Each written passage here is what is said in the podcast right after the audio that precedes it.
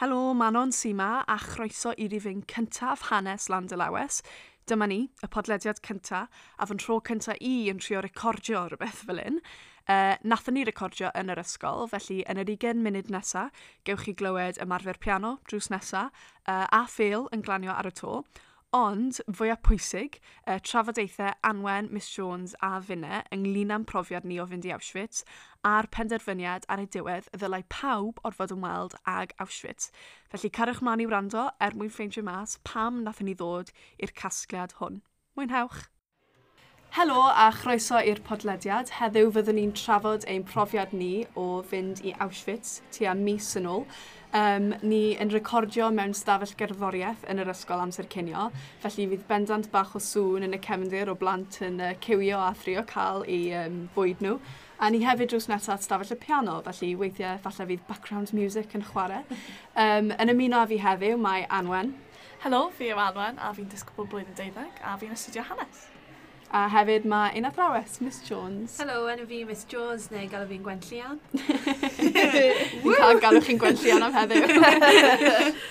Felly, hoffwn i ddechrau drwy drafod y cwestiwn hwn yn nath godi mewn cyfarfod efo ein criw ni ath ar y trip. Sef, um, bod ni ddim weithiau yn ystyried y ffaith pam nath hyn ddigwydd, bod ni nid yn unig wedi colli pobl, ond hefyd um, wedi colli um, cymunedau a diwylliant a'r pethau hynny. Felly, um, be nath chi ddysgu am hyn ar y daith?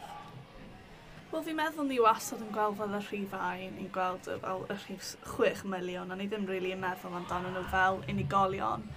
Ond pan eithon ni i'r dref Oswiensiwm, uh, ethon ni i'r safle o'r um, synagog... Y Great Synagog. Y Great Synagog. Yeah. A oedd hwnna really just yn fel uwch o leo pam...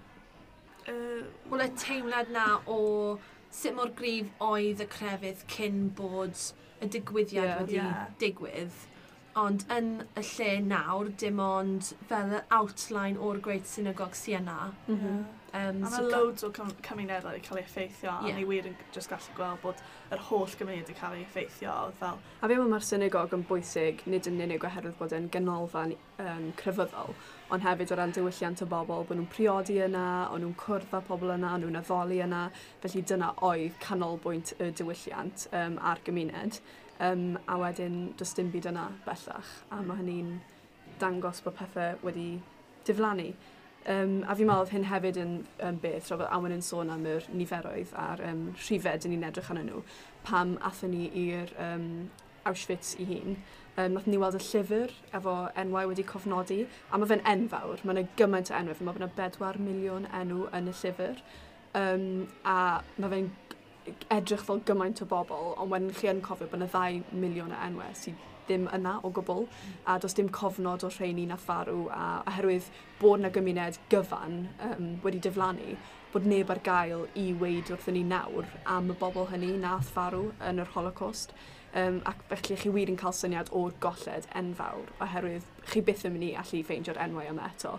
A does dim teulu yna, does dim ffrindiau, does dim cymuned all um, dangos eu rôl nhw mewn hanes, fel bod ni'n cael cyfnodi a chofio eu henwa nhw. Ie, yeah, fi'n meddwl y ffaith bod 2 miliwn enwau ddim fyna, di bwrw fi'n fwy na bod 4 miliwn fyna. Herwydd, ie, yeah, fel o ti'n dweud, bod, bod neb yn gallu cofio nhw a Ie, yeah, fi'n meddwl ar un ochr nath ni edrych arno fe ar y raddfa fawr o tiwr, yn y miliynau, a wedyn un ffocws arall ar y llaw arall gan y bobl oedd bod rhaid ni ffocysu ar yr unigolion a straeon unigol o chywod, y bobl nath farw um, neu nath um, gael ei anfon i'r um, Auschwitz. Um, felly, yn ystod y profiad, nathon ni edrych ar sawl stori unigol, mamau a phlant um, a'u profiadau nhw. Felly, chi'n meddwl oedd hwnna'n ffordd effeithiol o feddwl am yr Holocaust yn ei gyfanrwydd drwy ffocysu ar straeon unigol. Ie, yeah, oedd edrych ar yr unigolion hefyd yn... Oedd yn uwch o leo pa mor arfel oedd nhw, fel o'n nhw gyda bywydau mor mm. arfel fel ni. Yeah. A oedd, oedd wedyn yn sydyn, oedd popeth di newid, a oedd, fel oedd deddfau di dod mewn. A nhw ddim yn gallu byw eu bywydau. Ie. Yeah. Mae yna gwestiwn arall hoffwn ni ei drafod hefyd, um, sef edrych ar y bobl na efallai nath gael eu cymryd i'r camps, falle na oedden nhw'n iddewon neu'n hoiw neu'n sipsiwn, um, ond bod nhw hefyd yn ymwybodol o'r hyn oedd yn mynd ymlaen, a ydy ni angen edrych ar nhw fel y bobl oedd um, yn cydweithio mewn ffordd um, efo Hitler a'r regime, okay. oherwydd bod nhw ddim wedi camu mewn a helpu achos mae'n anodd iawn, chi wod, mewn ffordd oedd gweld y lluniau ohonyn nhw, y bobl, y catholigion, yeah. yn edrych mas o'i ffenestri ar yr heidiau o iddewon oedd yn cael mawr yw'r pentref ei hunan. Yeah. So sut roedd y pobl yna yn teimlo gyda y gwersylloedd reit ar drws nhw, mm -hmm. sut bod nhw'n cario ymlaen gyda bywydau, yn gwybod bod rhywbeth yn mynd mlaen, ond chi methu really teimlo neu'n meddwl sut maen nhw'n teimlo achos falle maen nhw wedi cael eu gwrthod mewn i wneud hyn. Mm -hmm. Maen nhw'n cael eu gwythio i cyd ymffurfio gyda yeah. y ffordd roedd yr Almeinwyr yn trin nhw mm -hmm. achos bod nhw hefyd yn cael yr ofn, y teimlad o ofna fel yr iddewon, fel yr hoiw, fel y Sipsiwn.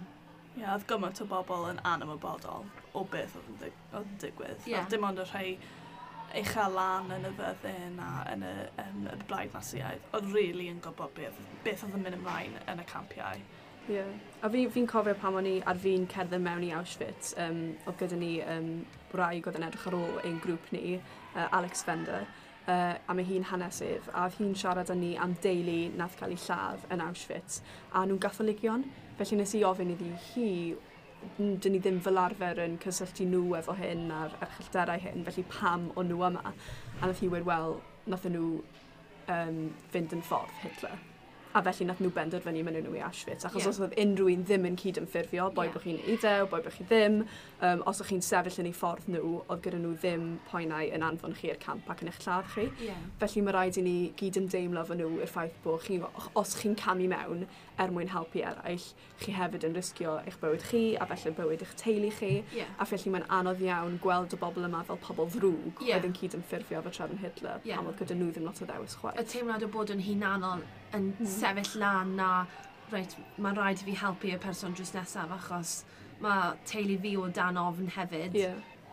A fi'n cofio nath ni glywed testimony Eva Clark nath gael ei geni yn Auschwitz-Birkenau a hi'n dweud fi'n credu bod y ffermwr wedi rhoi llaeth um, i'w mam hi tra bod hi'n cael ei chario ar y tren yma a bod hi'n meddwl bod hynny wedi achub i bywyd i mam hi a'i bywyd hi hefyd. Felly mae'n unigolion nath wneud y pethau hynny. Um, o fi'n meddwl roedd hefyd sy'n rhaid cydnabod o ran cyd-destun hanesyddol yw ar y pryd yn yr Almain ac yn y gwledydd hyn, oedd na lot o wrthsymitiaeth a xenophobia oherwydd propaganda'r parti naziaidd a'r blaid honno. Um, felly weithiau, er falle bod gyda nhw'r agweddau hynny, a ni nawr yn gweld nhw fel agweddau negyddol iawn a xenophobaidd, ar y pryd oedd pobl wedi cael ei arwain i'r sefyllfa hwn a falle bod nhw ddim yn ymladd yn erbyn y dref a bod nhw yn cyd-ynffurfio o'i dewis nhw, ond eto, dyn ni methu beio nhw am hynny. Hyd yn oed mae unigolion yn cael eu um, yn cael ei effeithio gan aelod o teulu. So os mae un aelod o teulu yn um, yn credu mewn gorsymetiaeth neu mae'n mm. credu mewn ideoleg y natiaid, y natiaid, o maen nhw'n mynd i credu e hefyd, achos dyna sut maen nhw wedi cael eu magu a dyna'r syniadau maen nhw wedi cael eu... Um, maen nhw wedi byw gyda. Mae rhaid rhoi y teimladau nhw o fewn cyd-destun yr Almain ar yr amser yna mm -hmm. hefyd. So roedd y natiaid yn dod mewn a syniadau o sut i cael mwy o gwaith, sut i tyfu economi nhw eto, sut i just gwella Almain ar ôl y ryfel byd gyntaf, ar ôl y, y 20s, Quimp Wall Street. So mae rhaid rhoi teimlad yn nhw o fewn y cyd-destun o sut mae nhw'n hefyd yn teimlo, sut roedd y natur yn gallu gwella bywydau nhw. Ac os roedd hwnna'n dod o mae rhaid i fi hefyd teimlo yn erbyn iddewon, yeah. dyna beth oedd rhaid i nhw wneud. Ie, yeah, ddynasiaid yn... Um wel, o'n nhw'n ffigur o gobaith i lot o yeah. um, malmeinwyr, achos dyna oedd fel, dyna yr unig peth oedd yn rhoi gobaith i nhw, nhw eisiau, a nhw eisiau gwaith a nhw eisiau newid. So. Fi'n meddwl bod rhywun yn ymarfer piano yn ystafell drws nesaf. Hefyd bod ni yn yr ardal. Nes i ddim pigo lan o'r hwnna. Nes i ddim lan. Bod ni yn y zone fyna. Ie, ond lot o ystradebau o amgylch yr iddewon a um, ei gafel nhw ar arian a'r economi um, a'r ystradebau hynny nath gael ei dynyddio i droi pobl yn ei herbyn nhw. Um, ond mae yna gwestiwn arall sy'n uh, gallu cael ei dynnu mewn i hyn, sef bod ein ffocws ni ar iddewon yn unig, fel um, pobl yn cael ei effeithio gan yr Holocaust, yn meddwl bod ein syniad ni a'n dealltwriaeth ni o'r Holocaust a y Natsiaid yn ystod yr ail rhyfel byd um, yn llai na gallaf y fod petai ni'n cydnabod y bobl eraill oedd yn cael ei effeithio fel y, Cathen, fel y Catholigion, fel y bobl hoiw, fel y Sipsiwn. Um, felly be chi'n meddwl am hynny? Chi'n meddwl bod yna gormod o ffocws i'r hafe ar un crew o bobl? Um, fi'n mynd i dweud na achos um, ni'n edrych ar y cyd-destun iddewon a trychinebau tuag at nhw cyn yr ail ryfel byd, mm -hmm. a mae hanes yn dweud wrthon ni bod pobl yn dangos cysineb tuag at nhw trwy'r amser, bod nhw wedi cael eu gwythio allan o wledydd achos bod nhw'n just yn iddew. Um, so mae fe'n mae rhaid i ni canolbwyntio ar iddewon achos nhw oedd yn mwyafrif, nhw oedd yn cael y casineb tuag at nhw. Roedd pobl hoiw a pobl Sipsiwn just ddim yn rhan o eidioleg um, Almeinwyr. So mm-hmm. roedd nhw yn just... Mae fe dau canolbwyntio ar pawb, ond iddewon oedd y mwyafrif. Mm -hmm. A fi'n meddwl mae dal yn bwysig yn ein dyddiau ni heddiw, er falle sy'n ni'n disgwyl ar ôl erchyllder yr Holocaust, bod ni'n fwy goddefgar tua'r gymuned hon, dal yn ein hanes ni heddiw. Ni'n gweld gwrthsymitiaeth, nid yn unig ym Mhrydain, yeah. fel cymuned ar y strydoedd, ond hefyd ar raddfa fwy. Um, felly mae'n ddadl sydd dal yn bwysig iawn yn ein dyddiau ni heddiw. Odyn ni yn gweld lot o gwrthsymitiaeth yn digwydd, ond hefyd mae lot o casineb tuag at, fel casineb hiliol, mae casineb tuag at pobl hoiw yn cryfhau mae hwnna'n cynnyddu yn ein cymuned ni heddiw. So fi'n teimlo bod y gwrs symutydd mae fe'n ar lefel o cysineb tuag at pobl o hir arall hefyd. Mm, ie, mm, yeah, mae ar hyn o bryd hefyd mae llawer o cysineb tuag at muslemiaid yeah. oherwydd pethau fel ISIS a so sa'n meddwl sa'n meddwl taw efewon yw'r canolbwynt, canolbwynt yeah. heddiw. Yeah. Wel, un peth, un neges mae ni glywed sawl tro ar y trip oedd those who don't remember history are condemned to repeat it. Yeah. Um, a fi'n meddwl oedd hwnna, oedd hwnna'n rhywbeth o'n nhw moyn i ni feddwl amdano fe, moyn i ni gofio, rhywbeth o'n nhw moyn i ni gymryd o'r profiad. Um, a fi'n meddwl chi'n iawn, nid yn unig os ni'n ffocysu ar iddewon, hefyd, chi o'r pobl hoiw, muslemiaid, mae'r eidioleg yma o roi'r bai ar rhywun am yeah. rhywbeth a cael cymunedau cyfan i droi yn eu herbyn nhw dal yn rhan fawr o'n cymuned yeah. ni heddiw, er falle nid ar raddfa mor eithafol. Yeah. Um, os gyda chi unrhyw gwestiynau chi moyn trafod yn arbennig? Fi jyst eisiau trafod sut oedd yn teimlo pan o'n i mm -hmm. fyna. Oherwydd, Wel, o'n i... Oedd e'n... Cloch asgol. Um, yeah. Oedd e'n... O'n i'n disgwyl i fi bod yn really drist. A oedd e'n really drist pan o'n i'n Ond ar y pryd, o'n i ddim really yn teimlo yn y beth. Na. Oherwydd o'n i'n cymryd mewn gymaint o wybodaeth pan o'n i'n Oedd gymaint o wybodaeth newydd, newydd o'n i'n cymryd mewn. O'n i ddim really gyda'r amser i, i edrych nôl adlywyrchu yeah. a dod i fel casgliad sut o'n i'n teimlo fyna. Ie. Yeah. Uh, fel Auschwitz 1 oedd yr un gyntaf wnaethon ni mynd i, o'n i'n teimlo bod lot o um, teimlo turistiaid yna. Mm -hmm. Mae llawer o adeiladau wedi cael eu adeiladu ar gyfer nawr. Y bwyta, o'ch chi'n gallu aroglu y bwyd, roedd toiledau yna.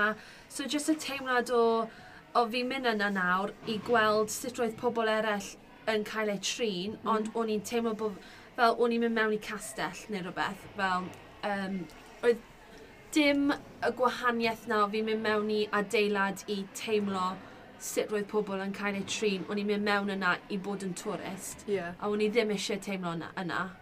Ie, yeah, fi'n hefyd yn meddwl mae fe am natur y daith yn ei hun. Oherwydd bod ni'n gwneud popeth mewn un diwrnod, fel nath ni sôn, yeah. nath ni godi'n gynnar, mynd ar awyren, neu diwrnod o deithio, a wedyn syth nôl ar yr awyren erbyn y nos. Mae nhw moyn bod chi'n dysgu gymaint o phosib, mynd i sawl lle, yeah. Birkenau, Auschwitz a'r Great Synagogue. Felly chi'n teimlo fel bod chi'n neud popeth, chi ar eich traed, yeah. chi'n edrych ar hyn, chi'n edrych ar y llall, chi'n clywed hyn, chi'n dysgu am hyn um, un peth ar ôl y llall, a wedyn er mwyn teithio o un lle nesaf, chi'n cael chwyd dwy funud ar y bws, max. Yeah. A felly mae natur y trip yn hynny yn meddwl bod, ie, yeah, fel oedd Anwen yn dweud, dim amser i edrych yn ôl ar bethau i falle teimlo'r pethau chi moyn teimlo. Yeah. A fi'n meddwl, dyna pam ni'n cael y seminarau, felly fel rhan o'r profiad, fel bod ni'n esbonio, ar ôl mynd i Auschwitz, oedd rhaid ni gwrdd efo y gweddill o'r bobl oedd hefyd wedi um, cael y profiad, a thrafod be o'n i wedi dysgu a be o'n i wedi gweld. Felly chi'n meddwl oedd hwnna'n gyfle gwell falle i adlywyrchu ar y profiad ei hun ac i deimlo'r pethau hynny? Ie, yeah, oedd yn Oedd yn, fi'n meddwl oedd yn really bwysig oherwydd pawb yn gallu dod at ei gilydd. A oedd pawb wedi bod bwrw i lle ar un, ar un pryd, so oedd pawb yn gallu uniaethu. A o'na gymaint o fel persbectif gwahanol o'n i'n gallu uniaethu gyda. Um, O'n i ddim yna, so bydd rhaid i chi. Gyfrif hwn. Ie. Um, Ie, fi'n meddwl un peth, na, un cwestiwn nath ni drafod yn y seminar hynny wrth edrych yn ôl, oedd y gwahaniaeth rhwng Auschwitz 1 a Birkenau okay. fel dau safle. Yeah. A fi'n meddwl chi wedi cyffwr ar hwn, Miss Jones, yw fod Auschwitz 1 yn teimlo lot mwy fel amgueddfa. Yeah. Um, a bod yna amgueddfeidd ym mhob barac fel yeah. nhw'n galw nhw. Lle yn Birkenau, mae popeth fel o dde. Dim byd fel di newid. Dim byd, na. Felly, i fi, oedd hwnna'n brofiad lot mwy emosiynol. Yeah. Sa'n gwybod, oherwydd, chi fod, o'n i wedi blino'n rhac, so o'n i wedi gwneud lot o... Oedd yn oer yn adden llewi. O'n i'n cerdded um, ar hyd y lle, a oedd e'n hollol blaen, oedd e'n dywyll. Yeah. Felly bod yn, e, yn awyrgylch, falle, oedd yn neud ni deimlo... Di newid tam y bach. Ie, yeah, a yeah. falle bod ni'n cyd ymdeimlo mwy, oherwydd bod ni, chywed, fi'n gweld, oedd lot o bobl yn cwyno bod ni'n rioer, a bod nhw wedi blino. Yeah. Yeah. Ond hwnna'n taro chi mwy. Sut oedd y bobl yma'n teimlo, pa maen nhw yma, achos ni'n cwyno nawr. Um, felly i hynny oedd hwnna'n brofiad mwy emosiynol i fi na falle Auschwitz 1 lle o'n i'n teimlo fel bod yn wers. Ie. Yeah. Ie, yeah, chi'n dweud bod like, am y ffaith o'n i wedi pach o gymaint o pethau mewn i un diwrnod. Ond actually, pan fi'n meddwl amdano fe, sa'n gwybod os bys fi'n mynd mo, my, moyn mynd nôl i Auschwitz-Birkenau ar ôl noson o fi yn adlywyrchu a edrych nôl a teimlo ni hyd yn yeah. mwy drist. A Oherwydd y diwrnod wedyn o'n i teimlo'n really drist, oedd popeth i fel bwrw fi. Okay. Ond sa'n gwybod os, os bys ni eisiau mynd yn ôl ar ôl noson. Yeah. A falle bod yn well bod ni'n dysgu am popeth mewn un. Wel, pam ddys i adre, sa'n gwybod amdano ti, Anwen, ond oedd fy rhieni'n gofyn sawl cwestiwn gwahanol am y profiad. Yeah. A un peth nath fy nhad i ofyn um, oedd, a oedden ni'n teimlo fel o'n ni'n fod teimlo ffordd arbennig cyn mynd ac yn ystod y profiad, o'n i'n teimlo bod rhaid i fi edrych arno fe drwy'r persbectif hyn. Yeah. Felly, i raddau fi'n meddwl, o, well, na i ateb gynta, ond um, i raddau fi'n meddwl chi'n teimlo oherwydd y cyd-destun a oherwydd en enwogrwydd y lle, mae rai bod chi'n teimlo'n drist oherwydd yr hunllef oedd arfer bod fan hyn. Ond ar yr un pryd fi'n teimlo fel oedd Amwen yn dweud, oedd pawb yn yr un sefyllfa, oedd neb yn or emosiynol o be nes i weid, o'n i no. gyd ar yr un daith yn trio dysgu gymaint o phosib. Yeah. Felly, falle pan o'n i yna, oedd na bach o eogrwydd tu fewn i fi'n dweud pam nag wyt ti'n teimlo'n fwy fwytrus, okay. pam nag wyt ti'n crio, ond wrth drafod mwy yn y seminarau falle efo pobl eraill, o'n i'n deall, chiwod, mae fe mor intens, chi'n methu teimlo popeth tra bod chi yna. Yeah. Felly, beth amdano chi? Wel, roedd y seminar gyntaf hefyd cyn mynd ar y profiad wedi adeiladu chi gymaint i yeah. treial teimlo rhywbeth, ond hefyd ar yr ochr arall o'n nhw'n dweud, falle byddwch chi ddim yn teimlo fe, tala mis falle ar ôl neu mm diwrnod ar ôl, mae pawb yn gwahanol, mae pawb yn teimlo fe'n gwahanol, falle ar y diwrnod byddwch chi yn teimlo fe, ond fi'n meddwl bod y mwyafrif o pobl yn teimlo fe ar ôl. S'n rhywun ar y to? Na, s'n Pale. Oh. Uh, falle? yeah, probably. Dwi'n yn pale, ond... Uh, Ie, yeah, so roedd y seminar yna wedi adeiladu chi i teimlo rhywbeth, ond falle dim y teimlad yn ystod y dydd. Ie, yeah, fi'n cytuno. Hefyd, pan oedd ffrindiau fi a teulu fi'n gofyn sut oedd e, oedd ymateb fi wastad, oh, oedd e'n really dda. Yeah. Ond on i ddim yn dweud, oedd e'n really dda, oedd e'n really hwyl, oedd e'n obviously ddim yn hwyl. Ond oedd e'n profiad mor gwych, fel fi'n mm. mor falch o'n i di mynd. Yeah. Fi'n meddwl dyle pawb mynd. Yeah. Fi'n meddwl dyle pawb fel profi hwnna. Fi'n cytuno, a fi'n fi, fi cytuno efo, mae'n anodd disgrifio fe, achos chi moyn gallu cyfleu pa mor anhygol o lwcus o chi i gael y profiad yna a faint nath chi fwynhau, os chi'n gallu dwi'n mwynhau, dysgu am y pethau hyn a gweld a phrofi'r pethau hyn. Ond ar yr un pryd, pan mae rhywun yn gofyn ti, ti'n gwybod paso ti yn y coridor, o, sut oedd e? Ti'n methu mynd, o ia, oedd e'n grit. Yeah. Achos wedi teimlo rili lletwyth, felly yeah. mae'r holl sefyllfa yna um, o gwmpas trafod y profiad. Yeah. Chi'n teimlo fel bod chi angen falle hanner awr i allu disgrifio popeth yeah. nath chi deimlo wrth unrhyw un sy'n gofyn. Um, felly i gloi, nawr bod ni wedi cael amser i drafod ac i edrych nôl ar y profiad a theimlo popeth falle dylen ni wedi deimlo, beth yw eich prif argraff chi o'r profiad? Neu beth yw'r un peth chi moyn sy'n pobl eraill yn cael gwybod am y profiad nath ni gael? A wel, un o'r pethau roedd pobl yn dweud wrtho fi o gofyn i fi ar ôl, o ti'n um, aroglu'r nwy? A nes i dweud na, achos dim ond un uh, gas chamber wnaethon ni mynd mewn i, a o'n i'n methu arogli nhw, o'n i'n treial, ond na, chi ddim yn gallu arogli fe, mae rhaid i chi mynd yna i teimlo a gweld. Y peth mwyaf pwysig yw gweld sut roedd pobl yn byw. Dim yn arogli, ond sut i just meddwl, right, mae llyged fi yn gallu gweld sut roedd pobl yn gwallt nhw, ysgidiau nhw, pethau gwahanol, ond fi eisiau meddwl beth o'n nhw hefyd yn gallu gweld, mm -hmm. roedd bywyd nhw yn sefyll ble fi'n sefyll nawr. Ie, yeah, fi'n meddwl y pwyslais ar unigolion nath bwrw fi mwy, nath ffeithio fi mwy a gweld y, ysgidiau ar, ar gwallt. Oedd hwnna, fi'n meddwl, oedd e jyst yn pwysleisio pa, wel, fel fi wedi dweud, pa mor arferol oedd nhw, oedd mm. -hmm. unigolion fel fi a chi, a o'n nhw jyst yn, yn, o'n nhw'n ddewon, o'n nhw'n credu mewn crefydd a hwnna oedd wedi arwain at ei farwolaeth. Ie, yeah, fi'n mynd i fynd nôl at y pwynt o um, hanes yn ailadrodd, achos ni'n gweld yn ein dyddyn ni heddiw yn China y campiau efo'r muslemiaid, a chi'n ni yn ein gwlad ni falle ddim mor ymwybodol o'r pethau hynny, ond pam chi'n edrych ar y gymhariaeth, um, bod ni'n cyrraedd pwynt eto o gysineb ac o propaganda, lle allan ni gyrraedd yr un man eto, a fi'n meddwl dyna pam falle ti'n dweud dyle pawb gael y profiad o fynd i Auschwitz, achos pam chi'n gweld y pethau hyn, pam chi'n profi ac yn dysgu am y pethau hyn, dyna pryd chi, mae dych chi'r addysg i beidio wneud yr un camgymeriadau eto. A fi'n meddwl dyna i fi yw'r peth pwysica sy'n ni moyn i bobl o bod.